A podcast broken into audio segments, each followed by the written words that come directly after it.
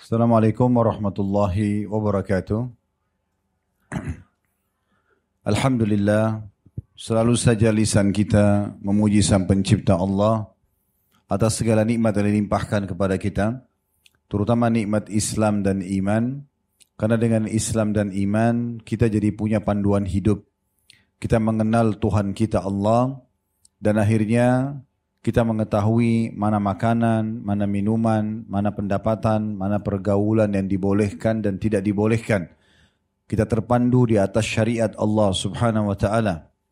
Dan kalimat alhamdulillah adalah kalimat penghubung antara kita dengan Allah sehingga nikmat-nikmat yang melimpah selain Islam dan iman pun seperti kesehatan, luangnya waktu, pasangan hidup, dan apa saja yang membuat roda kehidupan kita ini bisa berjalan di muka bumi, akan terpenuhi dengan kalimat ini.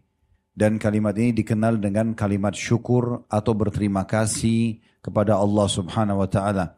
Dan Allah mengatakan dalam firman-Nya dalam surah Ibrahim, La in syakartum la azidannakum. Kalau kalian bersyukur, maka pasti saya akan tambah. Wala in kafartum inna adabi la syadid. Kalau kalian memungkiri, tidak bersyukur, maka siksaku sangat pedih. Selanjutnya kita panjatkan salam hormat kita kepada manusia yang telah membawa kepada kita hukum halal haramnya Allah. Manusia yang telah disempurnakan jalur nasabnya, fisiknya, ilmunya oleh Allah subhanahu wa ta'ala. Dan juga beliau telah menghabiskan 23 tahun dari masa hidupnya. 13 tahun di Mekah, semuanya dengan hinaan, cacian. Bahkan puncaknya diusir dari kampung halamannya Mekah dan 10 tahun fase Madinah semuanya berisikan penyempurnaan syariat Allah Subhanahu wa taala sampai akhirnya sempurnalah agama Allah dan sampai kepada kita semua. Maka sangat wajar kalau kita selalu mengucapkan salam hormat kepada Nabi besar Muhammad sallallahu alaihi wa ala alihi wa sahbihi wasallam. Pada kesempatan ini, Bapak Ibu sekalian, kita akan membahas tema yang mungkin kelihatannya sederhana, namun memang sangat penting untuk diketahui oleh kaum muslimin tentang masalah muliahnya dan keutamaan bulan Zulhijjah. Kurang lebih insya Allah enam hari dari sekarang kita akan masuk ke tanggal 1 Zulhijjah. Akan kita paparkan panjang lebar apa yang kira-kira Bapak Ibu bisa dapatkan di 10 awal bulan Zulhijjah itu? Dan kenapa dia harus menjadi sebuah tema khusus yang dibahas? Kita akan mulai dulu Bapak Ibu sekalian dengan membahas surah At-Taubah surah nomor 9 ayat 36. Jadi kalau ibu-ibu dan bapak sekalian punya aplikasi Al-Quran di handphonenya bisa dibuka surah nomor 9 ayatnya 36. Saya akan baca karena ini pondasi bahasan kita.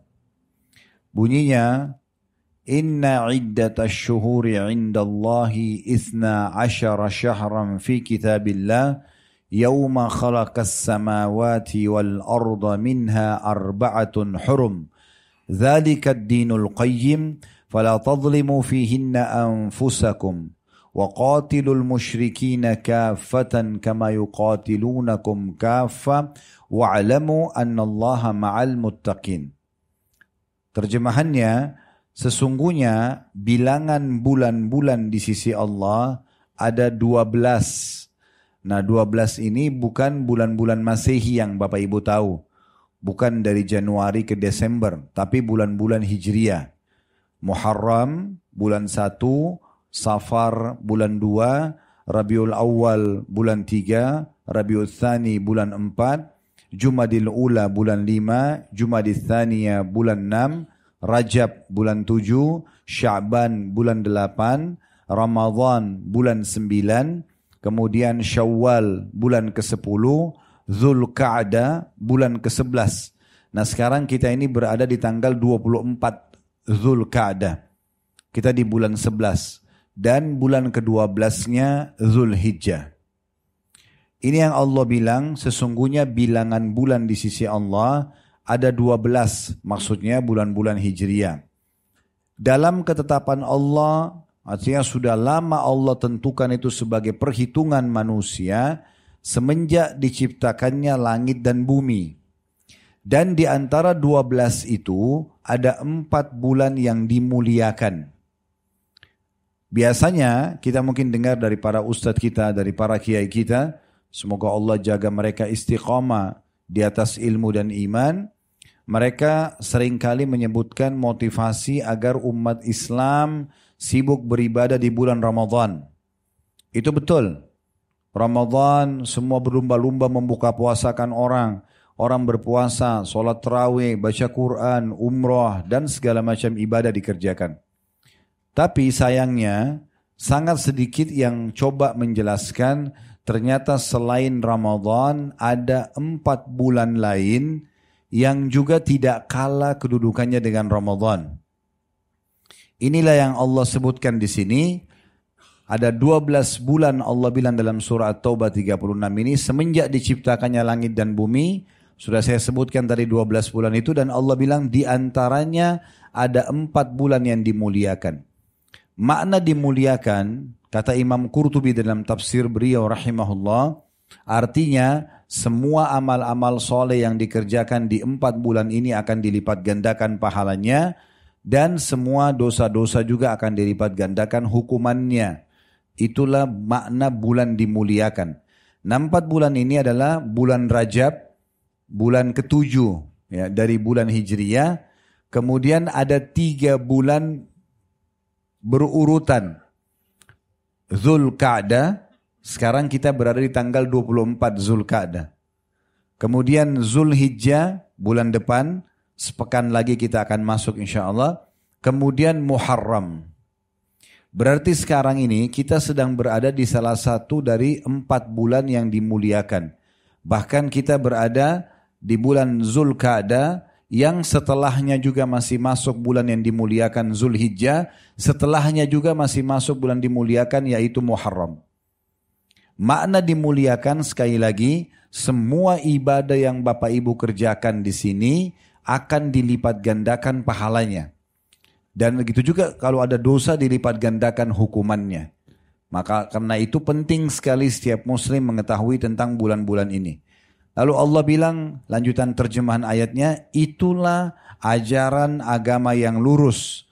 Maka jangan pernah kalian mendolimi diri kalian di empat bulan itu. Makna mendolimi jangan buat dosa.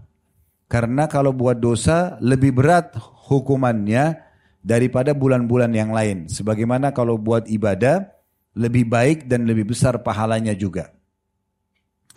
Dan Allah mengatakan dan perangilah kaum musyrikin itu semuanya sebagaimana mereka memerangi kalian. Ketahuilah bahwasanya Allah bersama dengan orang-orang yang bertakwa. Orang-orang yang bertakwa. Baik Bapak Ibu sekalian, kita akan coba fokus untuk menjelaskan bulan atau tiga bulan ya tepatnya. Zulkaadah ini yang kita ada sekarang Zulhijjah nanti yang bulan depan dan ini lebih banyak bahasan nanti dan juga bulan Muharram. Bulan Rajab karena sudah lewat sekarang kita bahas yang akan kita lalui atau sedang kita lalui. Yang pertama yang harus digarisbawahi Bapak Ibu sekalian bahwasanya bulan Zulkaadah dan 10 awal bulan Zulhijjah masuk dalam bulan-bulan haji. Masuk dalam bulan-bulan haji. Artinya, kalau ada di antara Bapak Ibu kebetulan lagi di Mekah, di hari-hari sekarang ini dia umroh, dan dia niatkan umroh haji tamattu, haji yang digabungkan antara umroh sama haji, maka berarti dia sudah terhitung sedang melaksanakan ibadah haji karena masuk dalam bulan-bulan haji. Walaupun haji itu fokusnya tanggal 8 Zulhijjah sampai 13 Zulhijjah. Tapi sekarang bulan Zulkaadah ini masuk dalam salah satu bulan-bulan haji. Perlu kita garis bawahi, bulan Zulkaadah selain masuk bulan haji, dia juga masuk salah satu dari empat bulan yang dimuliakan. Sekarang kita fokus enam hari ke depan. Saya berharap Bapak Ibu betul-betul melingkarin kalendernya. Kalau di rumah tidak ada kalender yang ada tanggal hijriahnya, tinggal ketik di Google tanggal hijriah hari ini. Akan keluar itu. Cuma biasanya keluar kalender dan itu harus diperhatikan kalau keluar Bapak Ibu klik misalnya kalau tulis kalender atau tanggal hijriah hari ini harus dicari sesuai dengan bulan kita karena kita sekarang bulan Juni di scroll dulu ke bawah. Biasanya keluar Januari dulu kemudian uh, Februari dan seterusnya. Scroll sampai dapat Januari eh, sampai dapat Juni. Kemudian baru cari tanggal Juni hari apa Bapak Ibu buka. Nah di bawahnya itu ada tanggal Hijriah. Tepatnya tanggal 1 hij, uh, Zulhijjah nanti 6 hari dari sekarang ini adalah hari-hari emas setiap muslim. Di sini puncak semua pahala kalau mau raih pahala yang banyak. Di sini puncak diterimanya doa. Puncak melimpahnya rezeki bagi setiap muslim. Di 10 awal bulan Zulhijjah ini. Kita coba jelaskan beranjak daripada hadis yang sahih Kata Nabi Muhammad SAW tentang 10 hari pertama bulan Zulhijjah ya. Ma min ayyamin al-amalu salihu fiha ahabbu ila Allah min hadil ayyam al-ashr. Tidak ada hari-hari sepanjang tahun termasuk Ramadan di sini ya di mana semua jenis amal soleh yang dikerjakan lebih Allah cintai dibandingkan yang dikerjakan di 10 awal bulan Zulhijjah. Semua ibadah yang Bapak Ibu kerjakan sepanjang tahun tidak akan pernah bisa menyamai pahalanya 10 awal bulan Zulhijjah. Walaupun Bapak Ibu beribadah di Ramadan. Kemudian para sahabat mengatakan, Qalu ya Rasulullah, walal jihadu fi sabilillah. Wahai utusan Allah, bagaimana dengan jihad di jalan Allah?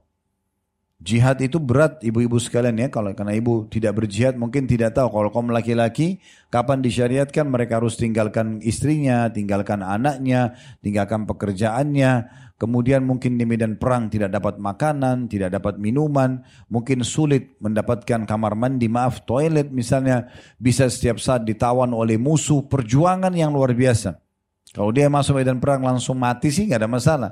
Tapi ini butuh perjuangan.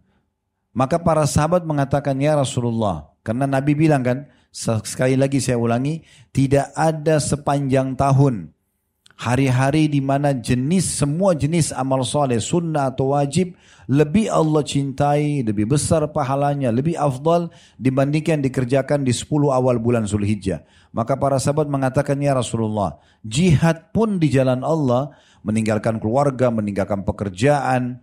Ya.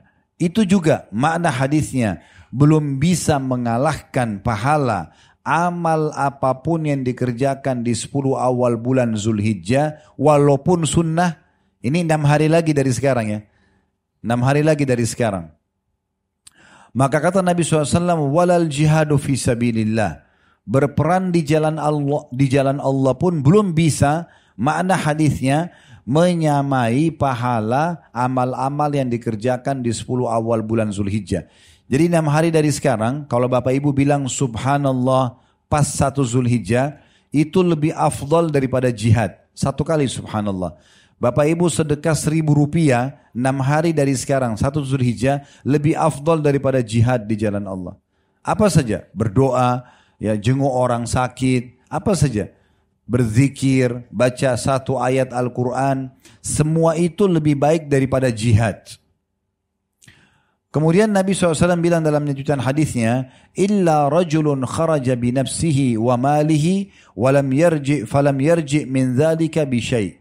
Kecuali satu keadaan, ada satu keadaan di mana bisa mengimbangi pahala amal yang dikerjakan di 10 awal bulan Zulhijjah yaitu kalau seorang laki-laki keluar berperang, dia membawa jiwanya dan membawa seluruh hartanya. Misalnya dia punya uang 10 miliar, dibawa semua ke medan perang diinfakkan, dia juga ikut berperang, kemudian dia tidak membawa pulang keduanya.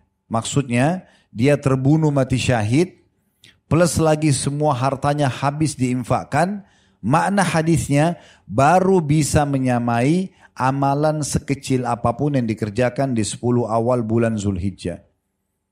Ini enam hari lagi dari sekarang. Makanya kita pilih tema bahasan masalah ini. Berapa banyak orang yang kami sampaikan di pengajian tentang ini, lalu mereka bilang, betapa ruginya Ustaz tahun-tahun yang lalu kami tidak tahu masalah ini. Tidak tahu kalau kita masuk 10 awal bulan Zulhijjah gitu kan. Baik, coba kita buka lagi surah Al-Fajr, tiga ayat pertamanya. Surah Al-Fajr, tiga ayat pertama.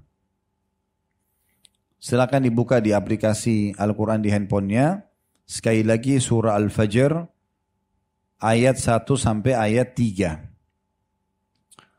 Bunyinya saya bacakan wal fajri walayalin ashr wasyaf'i wal watr.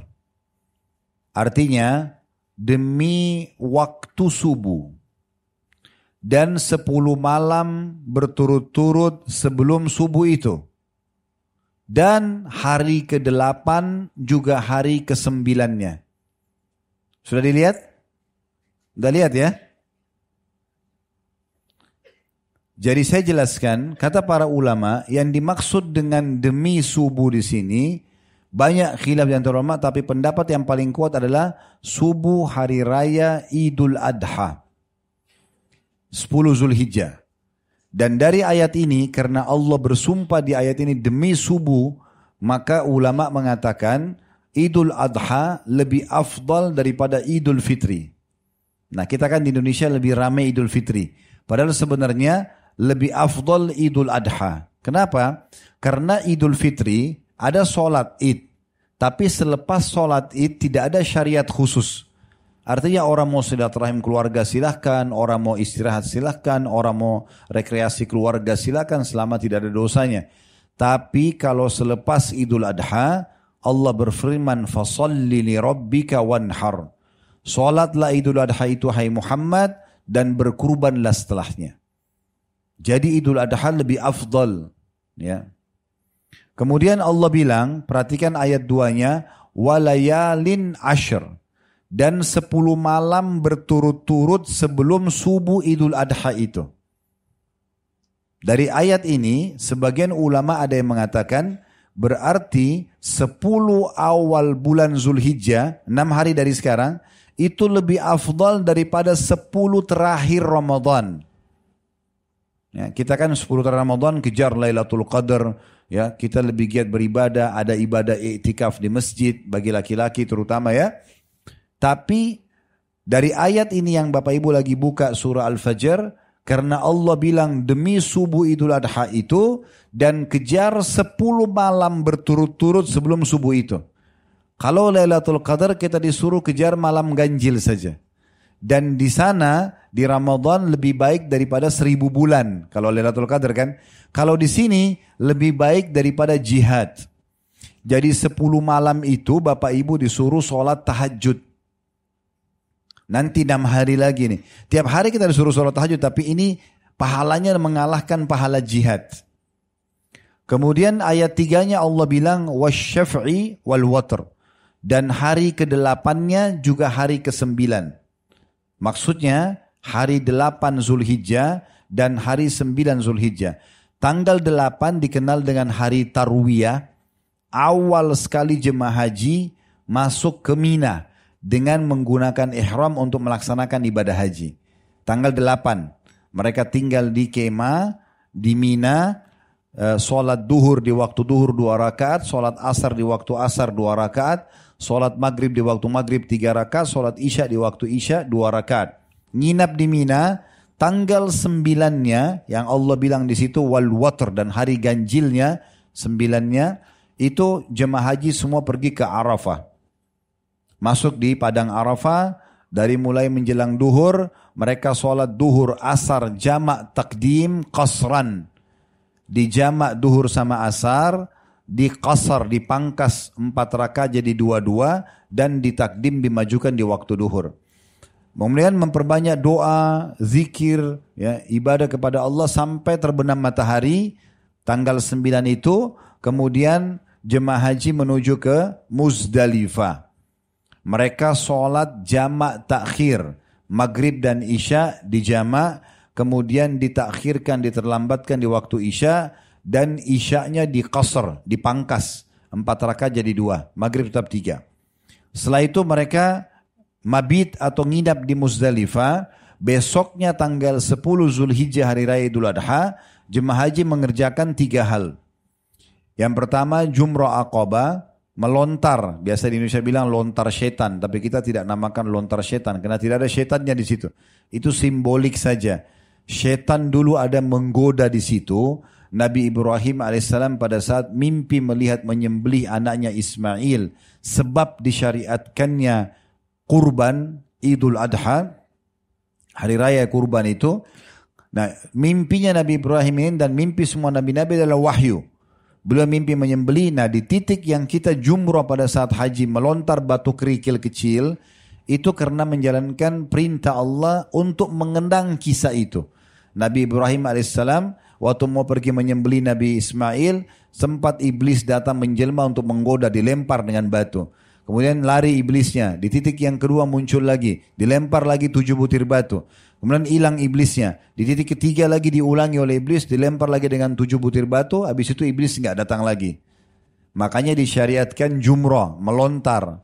Disilakan sugro, wusta, dan akaba atau kubra. Kecil, sedang, besar gitu ya. Nah kita di hari Idul Adha itu jemaah haji melontar jumrah akaba satu saja hari itu. Kemudian mereka tawaf dan sa'i haji namanya tawaf ifadah dan berkurban atau hadyu. Setelah itu jamaah haji boleh tahallul, cukur rambut, buka baju ihram, laki-laki dan perempuan, lalu mereka pergi ke Mina. Tinggallah mulai hari raya Idul Adha itu tanggal 10 sampai tanggal 13. 11, 12, 13 dikenal dengan hari tasyrik yang biasa kita di Indonesia berkurban ya. Nah ini tinggal di sana dan hari-hari tasyrik 11, 12, 13 jemaah haji mereka melontar kecil sedang besar. Kembali ke kemah. Sholat lagi duhur di waktu duhur dua rakaat, asar di waktu asar dua rakaat, maghrib di waktu maghrib tiga rakaat, isya di waktu isya dua rakaat. Tanggal 12 sama, tanggal 13 sama. Lalu kemudian mereka tinggalkan Mina setelah itu selesai hajinya. Nah ini yang disebutkan tadi di ayat 3 surah Al-Fajr wasyaf'i wal watar dan hari ke-8 dan hari ke-9 maksudnya tadi sudah saya jelaskan.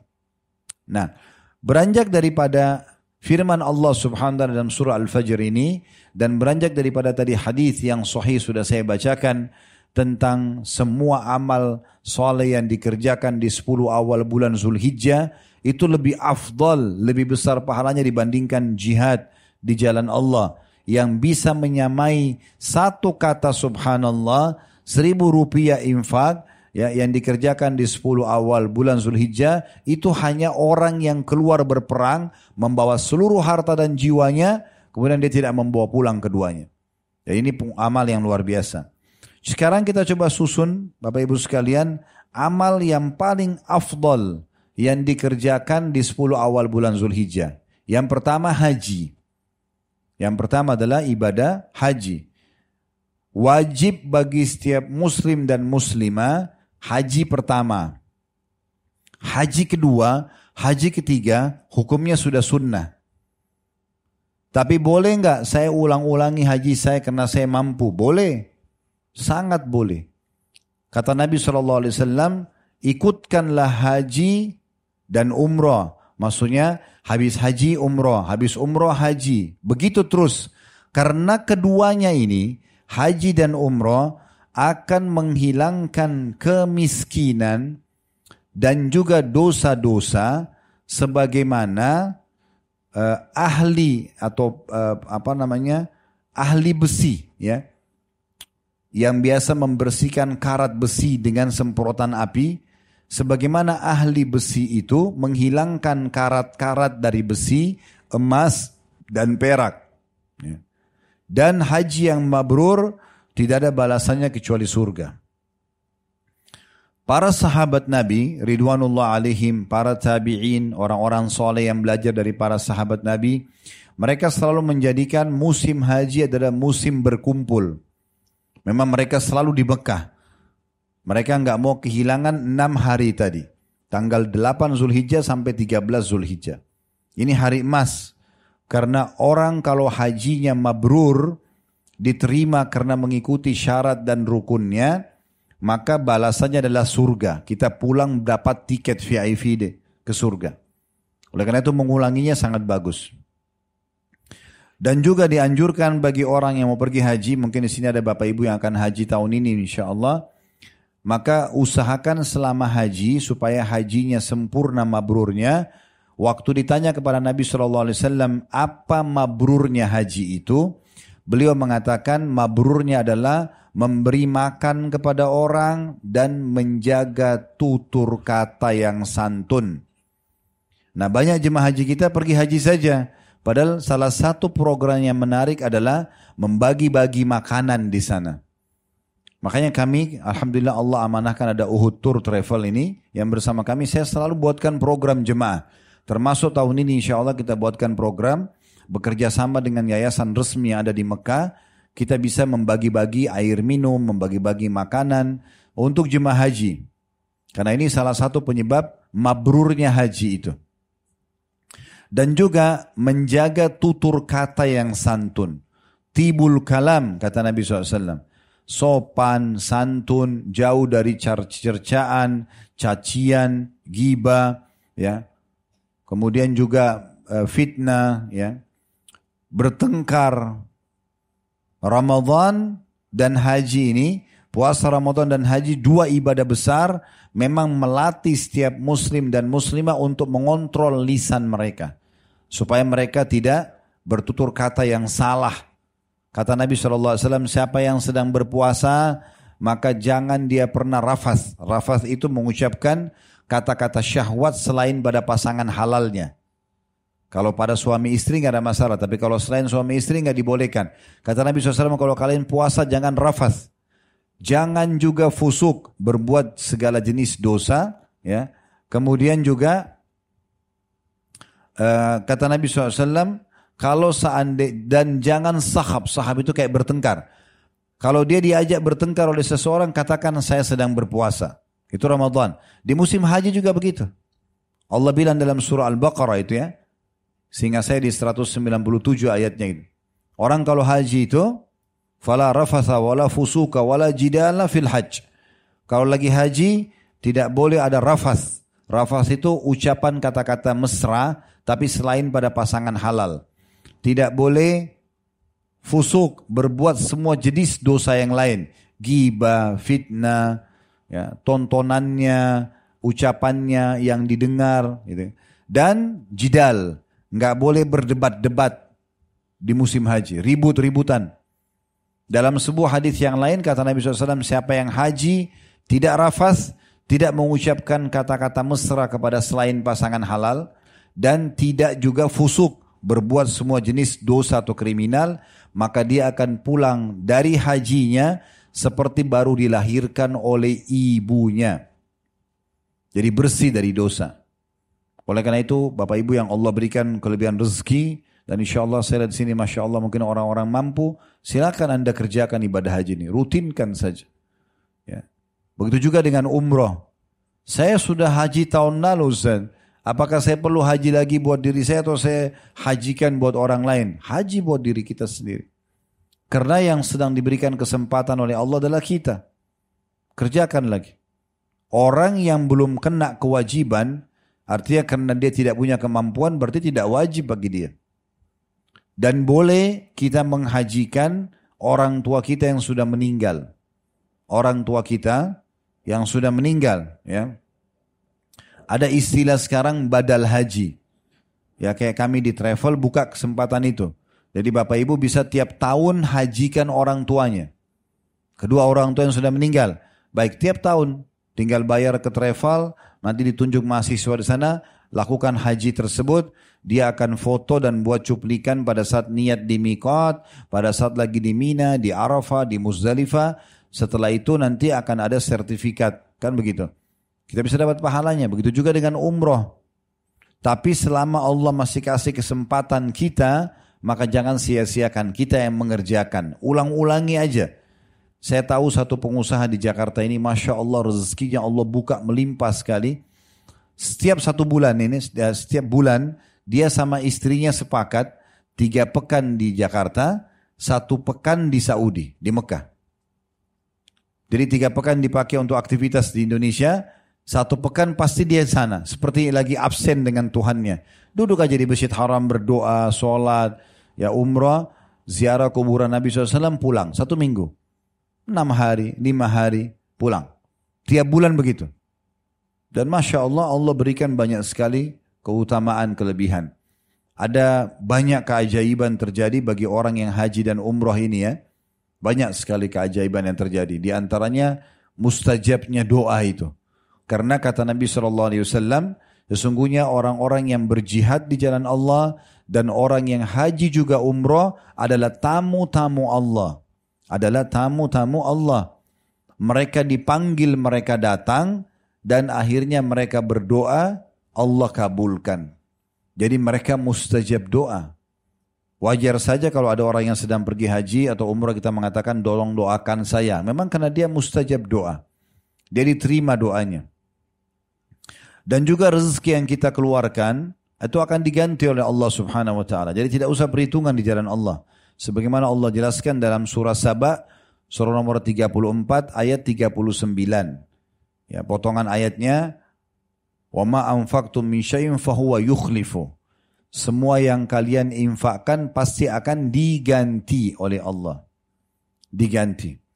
Saya juga sarankan teman-teman untuk mencari travel-travel yang berkualitas, pelayanannya bagus, dan panduan ibadahnya juga tepat. Karena ada juga yang bagus tapi panduan ibadahnya kurang tepat. Gitu kan. Jadi dua-dua bergabung. Dan insya Allah Allah akan gantikan semua rezeki yang sudah kita bayarkan. Dan ini yang paling utama ya, ibadah haji. Haji ini ada tiga macam. Ada namanya haji ifrat. Haji ifrat itu haji saja, tanpa umroh. Nah biasanya yang lakukan ini Bapak Ibu sekalian penduduk Mekah. Karena mereka tinggal pakai baju ihram dari rumahnya di tanggal 8 Zulhijjah, lalu ke Mina, lalu dia laksanakan ibadah haji. Yang kedua dan ini yang paling afdal adalah haji tamattu namanya. Tamattu itu artinya menikmati. Jadi kita ke Mekah umroh dulu. Selepas umroh semuanya, pakai baju ihram, kita tawaf, niat, kemudian tawaf, sa'i, tahallul, habis syukur pakai baju biasa. Jadi kayak penduduk Mekah. Tinggal di Mekah cuma perbanyak sholat di Masjid Haram, sampai tiba tanggal 8 Zulhijjah, baru kita pakai ihram untuk haji. Jadi umroh dulu, habis itu tinggal di Mekah kayak penduduk Mekah, nanti pas masuk tanggal 8 saja baru pakai ihram untuk haji. Nah ini namanya tamattu, artinya menikmati. Karena dia menikmati jedah antara umroh dan haji untuk pakai baju biasa. Cuman ini nanti ada hadyu, ada hewan kurbannya. Kalau yang pertama ifrat tidak ada hewan kurbannya.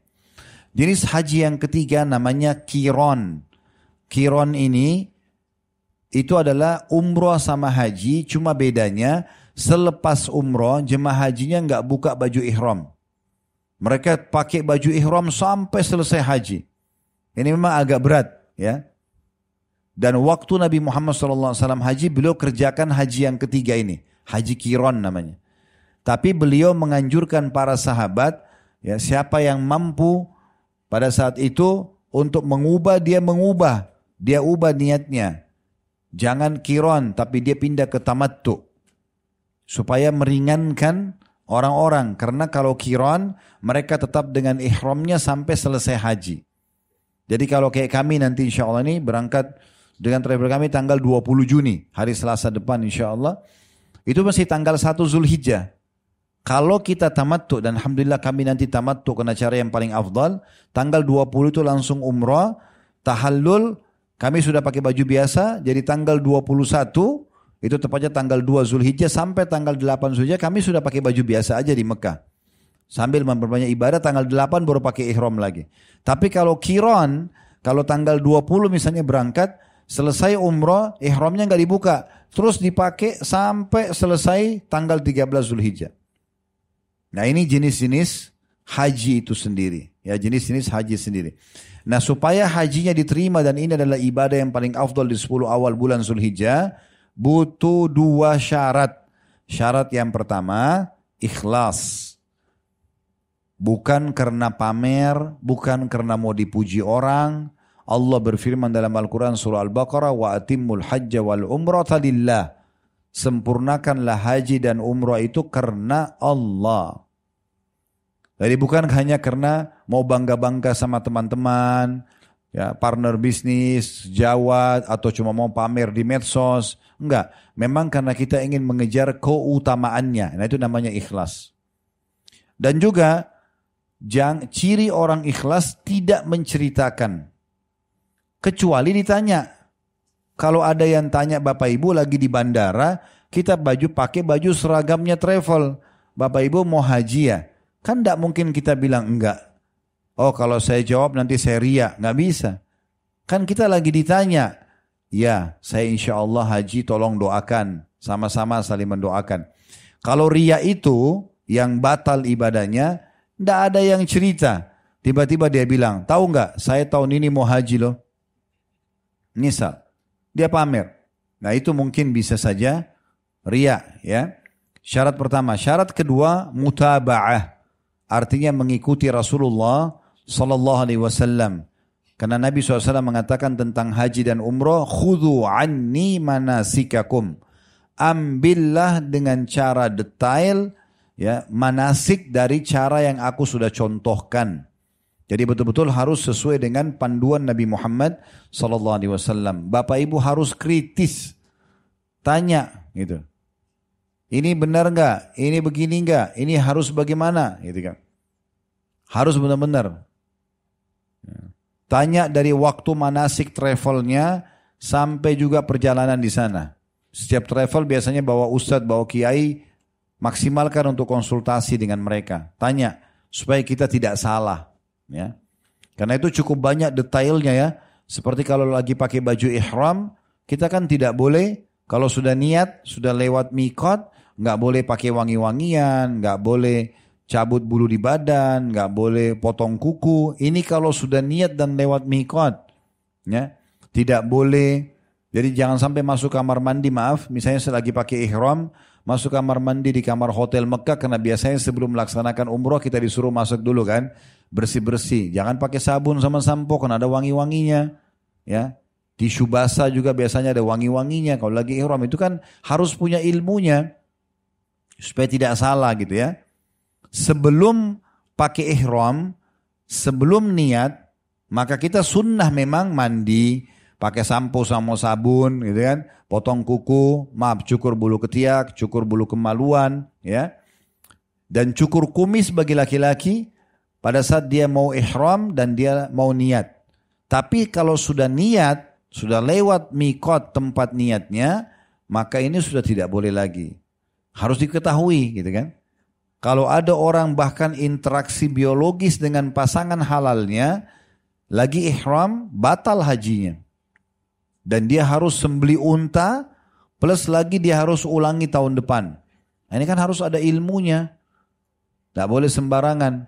Bapak-bapak kalau lagi pakai ihram, dia cuma boleh pakai dua lembar kain. Bawah sama atas. Nggak boleh pakai, maaf, celana dalam, nggak boleh pakai kaos dalam, nggak boleh pakai kopiah di kepala, nggak ya, nggak boleh pakai sepatu yang menutupi mata kaki. Ini bagi laki-laki ya. Kalau ibu-ibu pakai baju lengkap, nggak ada masalah. Ya, jilbabnya tetap dipakai segala macam. Bahkan pakai kaos kaki kena bagian daripada aurat yang kelihatan cuma telapak tangan dan wajah saja. Nah ini kan butuh ilmu dan harus mencontohi baginda Nabi Sallallahu Alaihi Wasallam gitu. Jangan salah. Oleh karena itu kita harus kritis agar ibadah haji kita diterima oleh Allah subhanahu wa ta'ala. Ini jenis ibadah yang pertama. Jenis ibadah yang kedua yang sangat dianjurkan sekali adalah sholat idul adhanya dan juga berkurban. Ya, sholat idul adha itu di tanggal 10 Zulhijjah, walaupun bagi wanita yang berhalangan, dia tidak ikut sholat tetap dianjurkan keluar hadir di lapangan mendengarkan khutbah Disebutkan dalam sebuah riwayat yang sahih, Nabi Muhammad SAW memerintahkan kaum muslimin, laki-laki, perempuan, orang tua, anak-anak, bahkan wanita yang berhalangan untuk keluar ke sholat idul fitri dan idul adha. Ya, walaupun perempuan itu berhalangan, mereka duduk saja pada saat lagi jemaah muslimin lagi sholat, mereka dengarkan khutbah.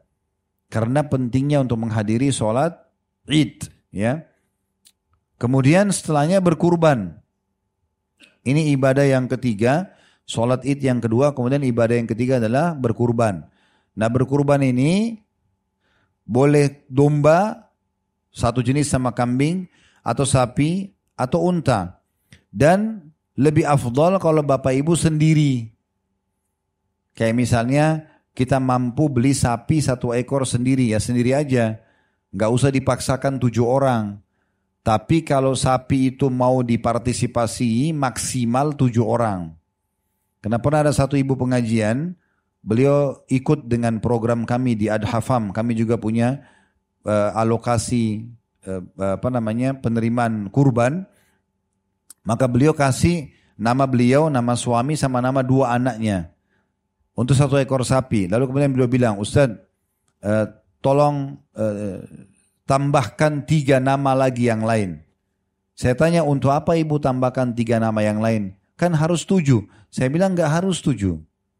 Kalau ibu bisa sendiri satu sapi sendiri, ibu nggak usah bagi pahalanya. Kalau tidak bisa sendiri dua orang, dua orang aja. Kalau tidak bisa tiga orang, tiga orang aja. Jangan paksakan tujuh, karena kalau tujuh dibagi tujuh bah pahalanya. Kan begitu. Nah di sini khilaf di antara ulama mana yang lebih afdal apakah domba sama kambing atau sapi dan unta. Ada pendapat yang mengatakan unta sama sapi karena lebih besar. Ada juga pendapat yang mengatakan tidak, domba lebih afdal. Kenapa? Karena Nabi Ismail alaihissalam pada saat tidak jadi disembeli, diganti oleh Allah dengan domba. Dan Nabi Nabi Muhammad SAW dalam hadis Bukhari berkurban dengan dua ekor domba jantan bertanduk yang berbulu putih dan di daerah sekitar matanya dan keempat kaki domba tersebut berbulu hitam. Nah ini tentang masalah kurbannya. Dan kita boleh memakan hewan kurban kita kalau memang di lokasi kita jangkau. Ya. Ibadah yang keempat, berpuasa. Nah, enam hari dari sekarang, itu disunnahkan Bapak Ibu puasa sembilan hari. Sembilan hari mulai tanggal 1 Zulhijjah sampai 9 Zulhijjah. Ini bagi yang mampu sangat baik. Kenapa? Karena ibadah-ibadah di 10 awal bulan Zulhijjah lebih baik daripada jihad. Tadi sudah saya jelaskan. Lebih baik daripada jihad. Bahkan yang bisa menyamai amal di 10 awal bulan Zulhijjah hanya orang yang keluar berperang, dia mati syahid, hartanya semua habis diinfakkan baru sama dengan ibadah yang paling ringan yang dikerjakan di 10 awal bulan Zulhijjah. Maka ada sebuah hadis Bukhari yang berbunyi mungkin tidak asing hadis ini kita dengarkan di Ramadan. Kata Nabi SAW semua amal ibadah anak Adam selain puasa, sholat, zakat dan seterusnya sudah ditentukan kadar pahalanya 10 sampai 700 kali lipat. Kecuali puasa, Allah yang maha mulia dan maha tinggi berfirman, dia milikku dan aku akan membalasnya langsung karena dia meninggalkan syahwat makanannya dan syahwatnya karena aku. Jadi puasa termasuk amal yang sangat luar biasa pahalanya. Oleh karena itu dianjurkan puasa di 10 di 9 awal bulan Zulhijjah. Kenapa 9 hari Ustaz? Kata tadi Ustaz bilang 10 hari. Karena tanggal 10-nya Idul Adha, nggak boleh puasa. Kalau lagi lebaran nggak boleh puasa. Oleh karena itu puasanya cuma 9 hari. Bagi yang tidak mampu 9 hari, maka boleh 8 hari saja. Tidak mampu 7 hari saja. Tidak mampu 5 hari saja. Kalau betul-betul tidak mampu, maka jangan kehilangan puasa tanggal 9-nya. Dikenal dengan hari Arafah. Ya, hari Arafah. Pernah dengar puasa Arafah ya? Nah itu bagi orang yang sedang tidak haji, dianjurkan puasa Arafah. Tapi kalau lagi haji, Bapak Ibu nggak boleh puasa. Karena Nabi SAW tidak berpuasa pada saat lagi haji, tapi memotivasi sahabat dan muslimin yang tidak haji untuk puasa. Dalilnya adalah hadis yang sahih disebutkan bahwasanya Nabi Wasallam berpuasa sembilan hari di awal bulan Zulhijjah dan beliau juga menjaga puasa Senin Kamisnya dan berpuasa tiga hari setiap bulannya. Kemudian kalau tidak mampu sembilan hari tadi saya bilang tanggal sembilan saja dengan dikenal dengan hari Arafah. Kata Nabi SAW puasa hari Arafah saya berharap bisa mengampuni dosa setahun yang lalu, 365 hari yang lalu, dan setahun akan datang atau 365 hari ke depan. Oleh karena itu satu hari ini jaga baik-baik. Ya, tanggal 9, tepatnya satu hari sebelum Idul Adha. Kalau takut lupa, lihat kalender Idul Adha kapan, lingkar Idul Adha. Nah ini satu hari sebelumnya. Tujuannya adalah supaya orang-orang yang tidak haji tetap mendapatkan keberkahan hari Arafah. Karena hari Arafah ini hari yang luar biasa. Kata Nabi SAW, doa yang paling afdal adalah hari Arafah. Juga dalam hadis lain kata Nabi SAW, tidak ada hari-hari yang paling banyak Allah menghapus nama hambanya dari api neraka dibandingkan hari Arafah. Bahkan jemaah haji yang hadir di Arafah dianggap sudah mengerjakan ibadah haji. Yang tidak hadir di Arafah dianggap tidak kerjakan ibadah haji. Karena kata Nabi SAW, Al-Hajju Arafah. Haji itu di Arafah. Sampai hari ini Bapak Ibu sekalian, kalau ada orang dari seluruh dunia datang ke Saudi, mau haji, terus tiba-tiba sakit misalnya. Selama dia belum meninggal, di tanggal 9 Zulhijjah, pemerintah Saudi memerintahkan agar dipakaikan ihram, dibawa dengan ambulan ke Arafah. Karena dengan hadir di Arafah berarti hadir haji. Nah ini poin yang perlu kita garis bawahi. Nah, oleh karena itu orang yang sedang tidak haji dianjurkan untuk puasa. Untuk puasa.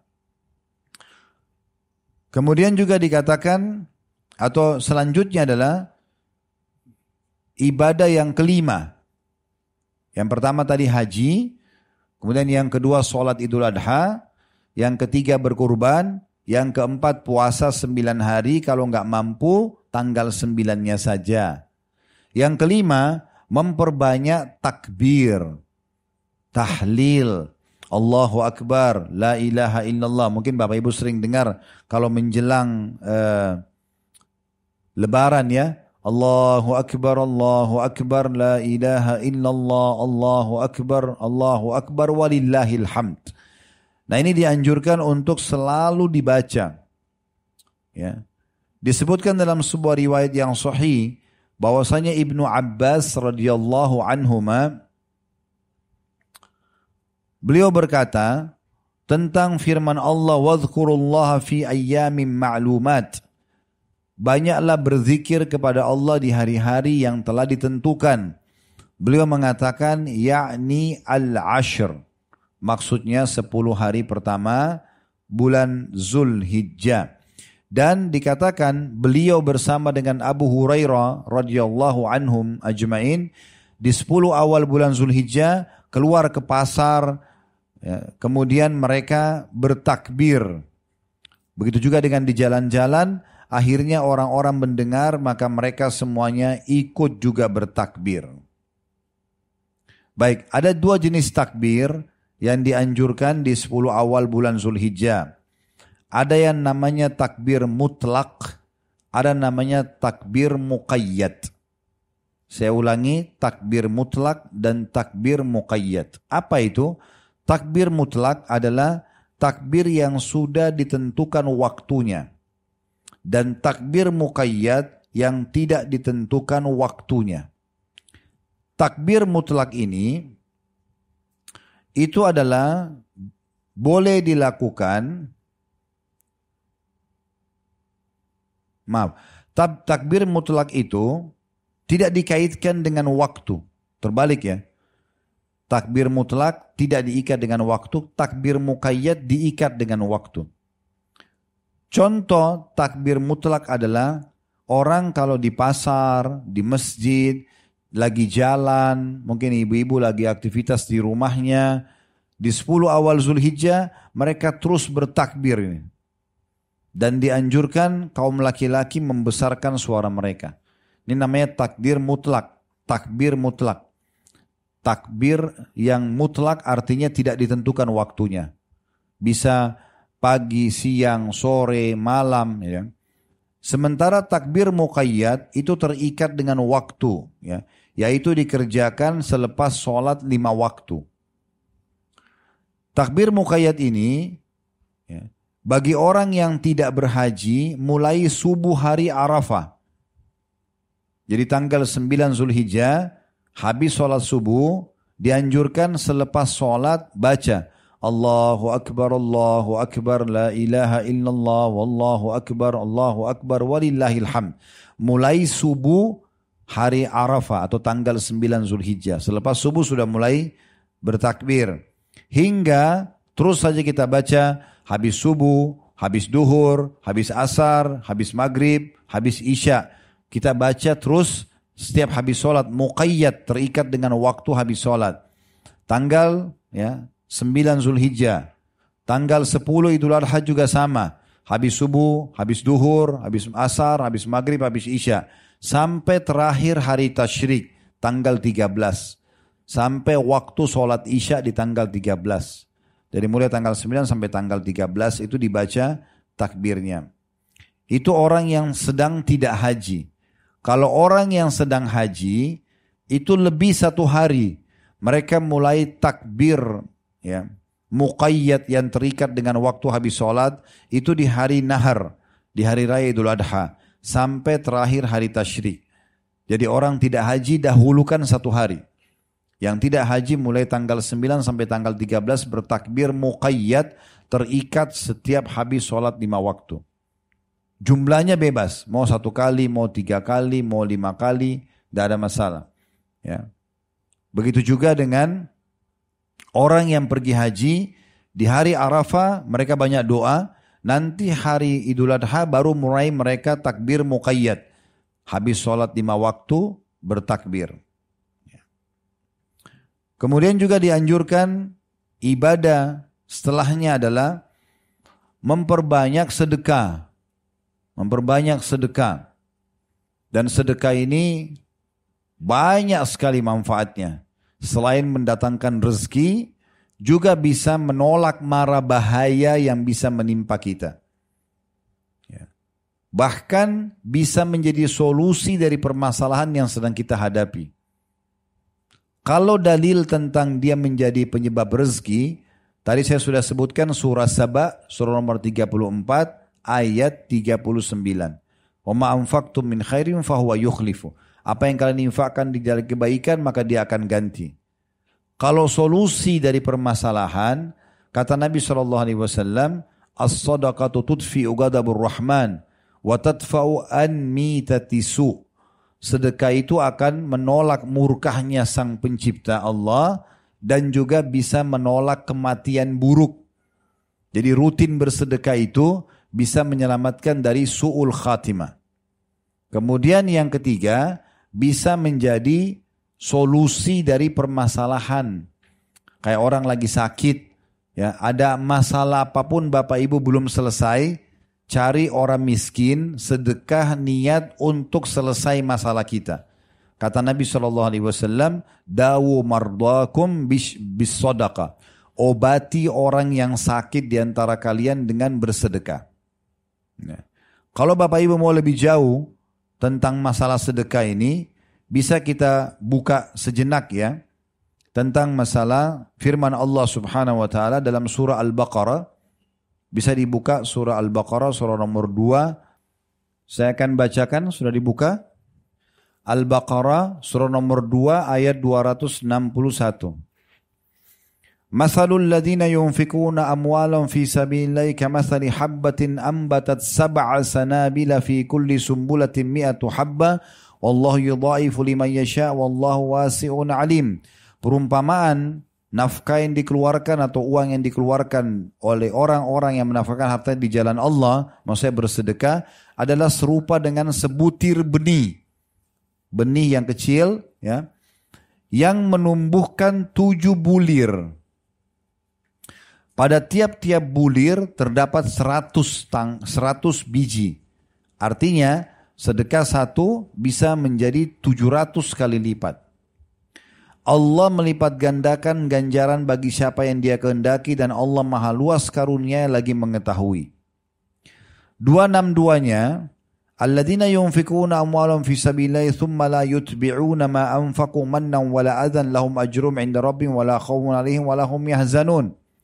Perhatikan kalau Bapak Ibu mau sedekahnya diterima, lihat syaratnya.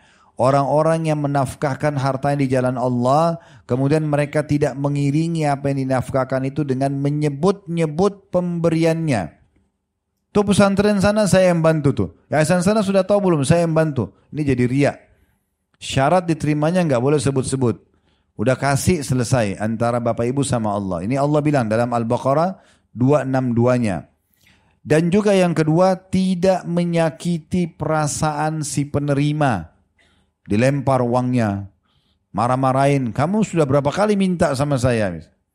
Padahal sebenarnya seorang muslim dan muslimah harus faham muamalah dia, transaksi dia sama Tuhannya Allah. Orang miskin depan kita itu hanya perantara saja. Kita kasih uangnya, dia pakai makan, selesai. Tapi nilainya kita akan dapat nanti di timbangan amal kita hari kiamat. Makanya sebagian ulama salaf dulu dari kalangan tabi'in, tabi' tabi'in, orang-orang soleh sebelum atau setelah generasi sahabat Nabi Ridwanullah alaihim, mereka itu kalau ada orang miskin yang datang dan membawa hasil sedekahnya, mereka senyum sambil mengatakan, lihatlah orang-orang ini membawa amal-amal kami ketimbangan amal kami tanpa upah sedikit pun. Kita berinfak satu juta rupiah, lima ratus ribu rupiah, seribu rupiah, sepuluh ribu rupiah, kalau orang miskin dia pakai makan, tapi kita akan dapat nilainya di timbangan amal nanti pada hari kiamat. Jadi tidak boleh menyebut-nyebut dan tidak boleh menyakiti perasaan si penerima. Lalu kata Allah kalau dia begini melakukan, dia bersedekah tanpa menyebut-nyebut dan menyakiti perasaan penerima, mereka memperoleh pahala di sisi Tuhan mereka, tidak ada kekhawatiran terhadap mereka dan tidak pula mereka bersedih hati. 263-nya, Qaulun ma'rufun wa makfiratun khairun min sadaqatin yatba'uha adha wallahu ganiyun halim. Perkataan yang baik dan pemberian maaf lebih baik daripada sedekah yang diiringi dengan sesuatu yang menyakitkan perasaan si penerima. Allah maha kaya lagi maha penyantun. Maksudnya kalau kita tidak bisa kasih orang karena tidak mampu kita minta maaf maaf ya saya belum bisa bantu. Begitu Allah suruh begitu. Bukan malah kamu ini nggak tahu diri ya. Minta-minta sama saya terus misalnya nah gitu. Itu nggak boleh. Allah larang. Selanjutnya 264-nya ya ayyuhalladzina amanu la tubtilu sadaqatikum bil manni wal adha kalladhi yunfiqu malahu ria'an nasi wa la yu'minu billahi wal yawmil akhir. فمثلوا كمثل صفوان عليه تراب فأصابه وابل فتركه صلدا لا يقدرون على شيء مما كسبوا والله لا يهدي القوم الكافرين Hai orang-orang beriman, jangan kamu menghilangkan pahala sedekahmu dengan menyebut-nyebutnya. Ya. Dan kemudian menyakiti hati si penerima. Seperti orang yang menafkahkan hartanya karena riak kepada manusia, pamer. Dan dia tidak beriman kepada Allah dan hari kemudian. Maka perumpamaan orang itu seperti batu licin, di atasnya ada tanah. Kemudian batu itu ditimpa dengan hujan yang lebat. Lalu menjadilah dia bersih atau tidak bertanah mereka tidak menguasai sesuatu dari apa yang mereka usahakan dan Allah tidak memberikan petunjuk kepada orang-orang kafir. Jadi ini ayat-ayat sampai 274 ya.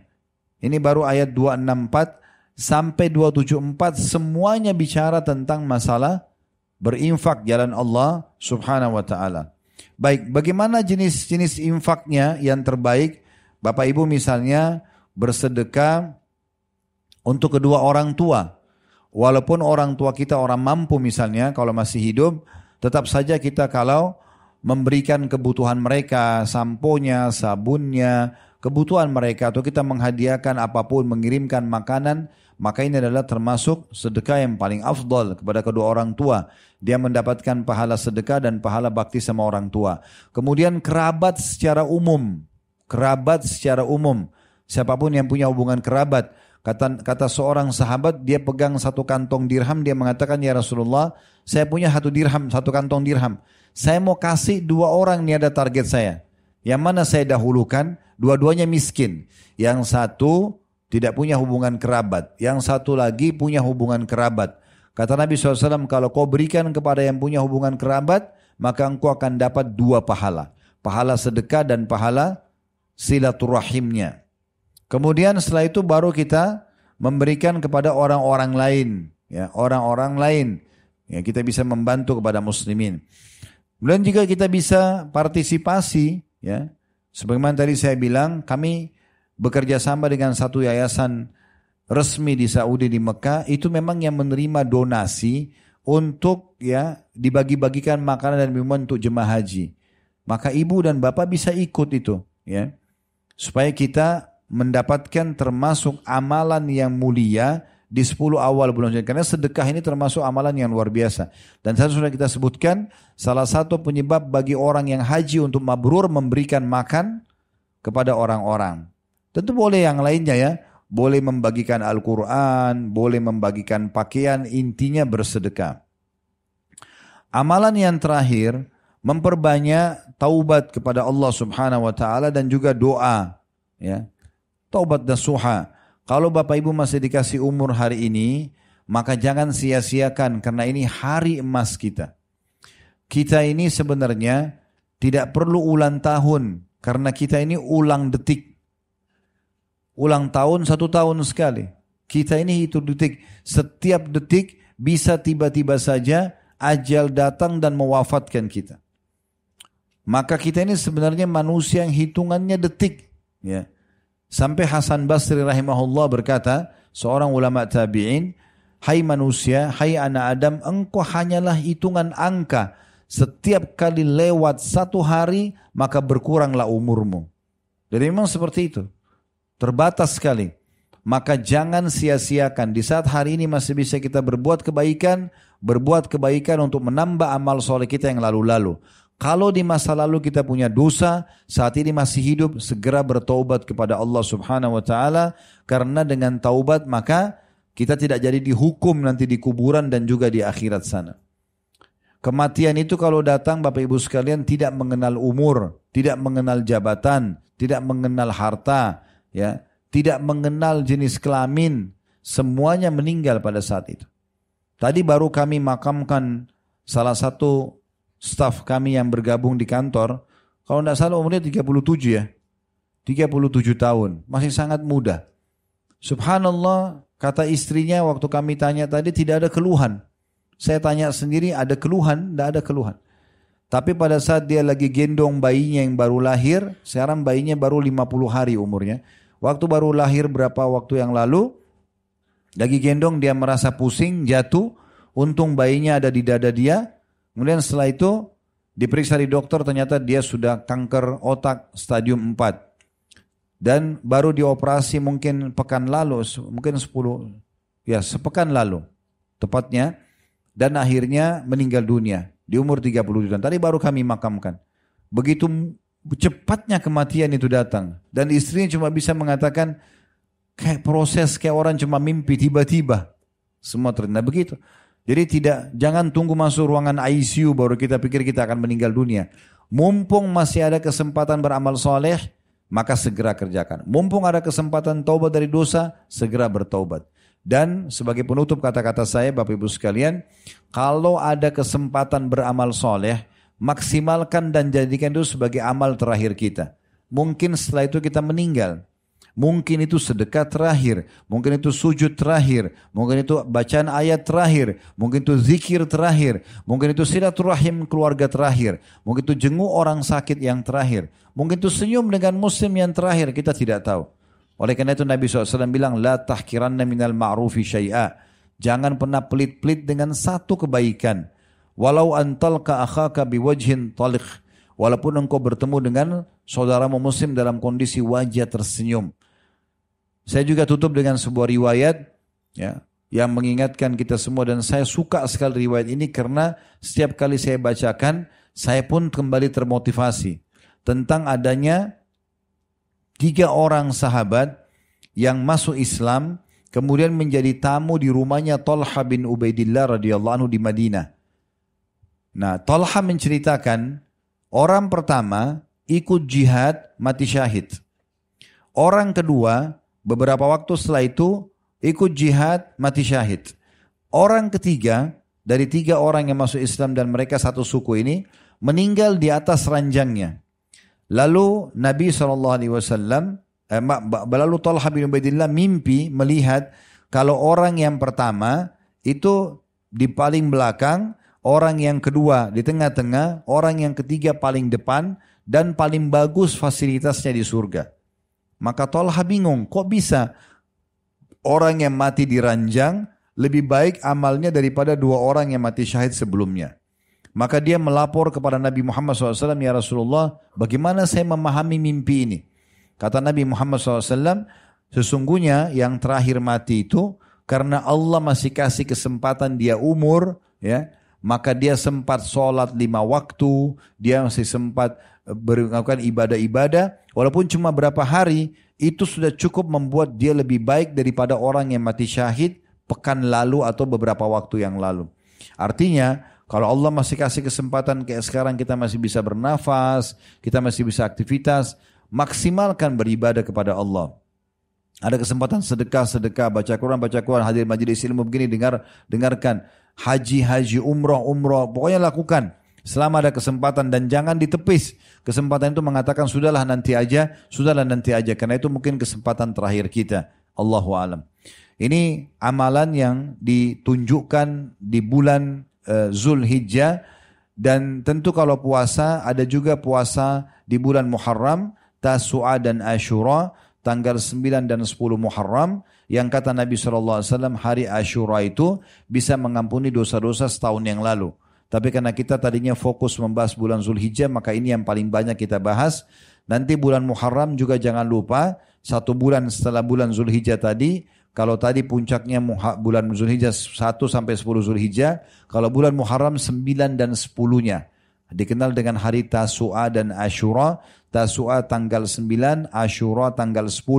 Nah ini dianjurkan kita puasa dua hari. Kata Nabi SAW puasa hari Ashura mengampuni dosa setahun yang lalu. Dan ini juga kita bisa maksimalkan meraih pahala pada saat itu. Allahu alam. Baik. Semoga apa yang kita bahas hari ini bermanfaat buat kita semua dan semoga semua yang hadir offline ataupun online ditemui dipenuhi oleh Allah SWT hajat-hajatnya dari hajat dunia dan hajat akhirat diampuni semua dosanya diterima semua amalnya dipanjangkan umur di atas ketaatan dan kita selalu doakan agar negara kita menjadi negara yang aman, tentram, damai, seluruh umat Islam di bawah naungan ukhuwah Islamiyah. Dalam ibadah mereka kembali kepada Al-Quran dan Sunnah. Dan semoga Allah selalu memandu para pemimpin kita agar menjalankan amanah dengan baik dan menjadikan kita masyarakat yang gotong royong untuk menjaga kemakmuran, kesatuan dan persatuan negara kita. Dan semoga kita menjadi contoh bagi negara-negara yang lain. Dan semoga Allah Subhanahu wa taala menyatukan kita semua di surga firdausnya tanpa hisab semuanya disatukan dalam majlis ilmu yang mulia ini. Kalau ada benar dari Allah, pada salah dari saya mohon dimaafkan. Subhanakallahumma bihamdika asyhadu an la ilaha illa anta astaghfiruka wa atubu ilaik. Wassalamualaikum warahmatullahi wabarakatuh.